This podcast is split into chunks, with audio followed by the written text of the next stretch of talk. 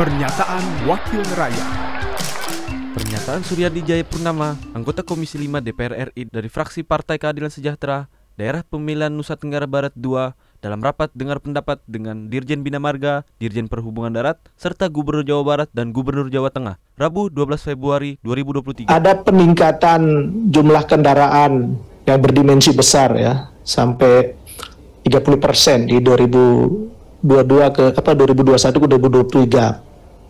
Padahal di satu sisi jumlah panjang jalan tol kita di eh, Pantura ini kan bertambah.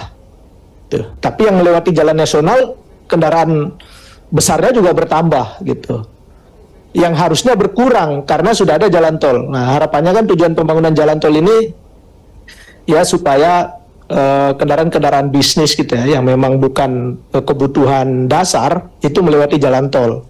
Tapi kenyataannya mereka lebih banyak melewati jalan nasional. Nah, kira-kira ini apakah sudah ada eh, penelitian ya? Apa faktornya gitu? Apakah kemampuan membayar atau ketidakmampuan membayar jalan tol ini? Pernyataan Suryadi Jayapurnama, anggota Komisi 5 DPR RI dari fraksi Partai Keadilan Sejahtera, Daerah Pemilihan Nusa Tenggara Barat II, Produksi TV dan Radio Parlemen, Biro Pemberitaan Parlemen, Setjen DPR RI. Pernyataan Wakil Rakyat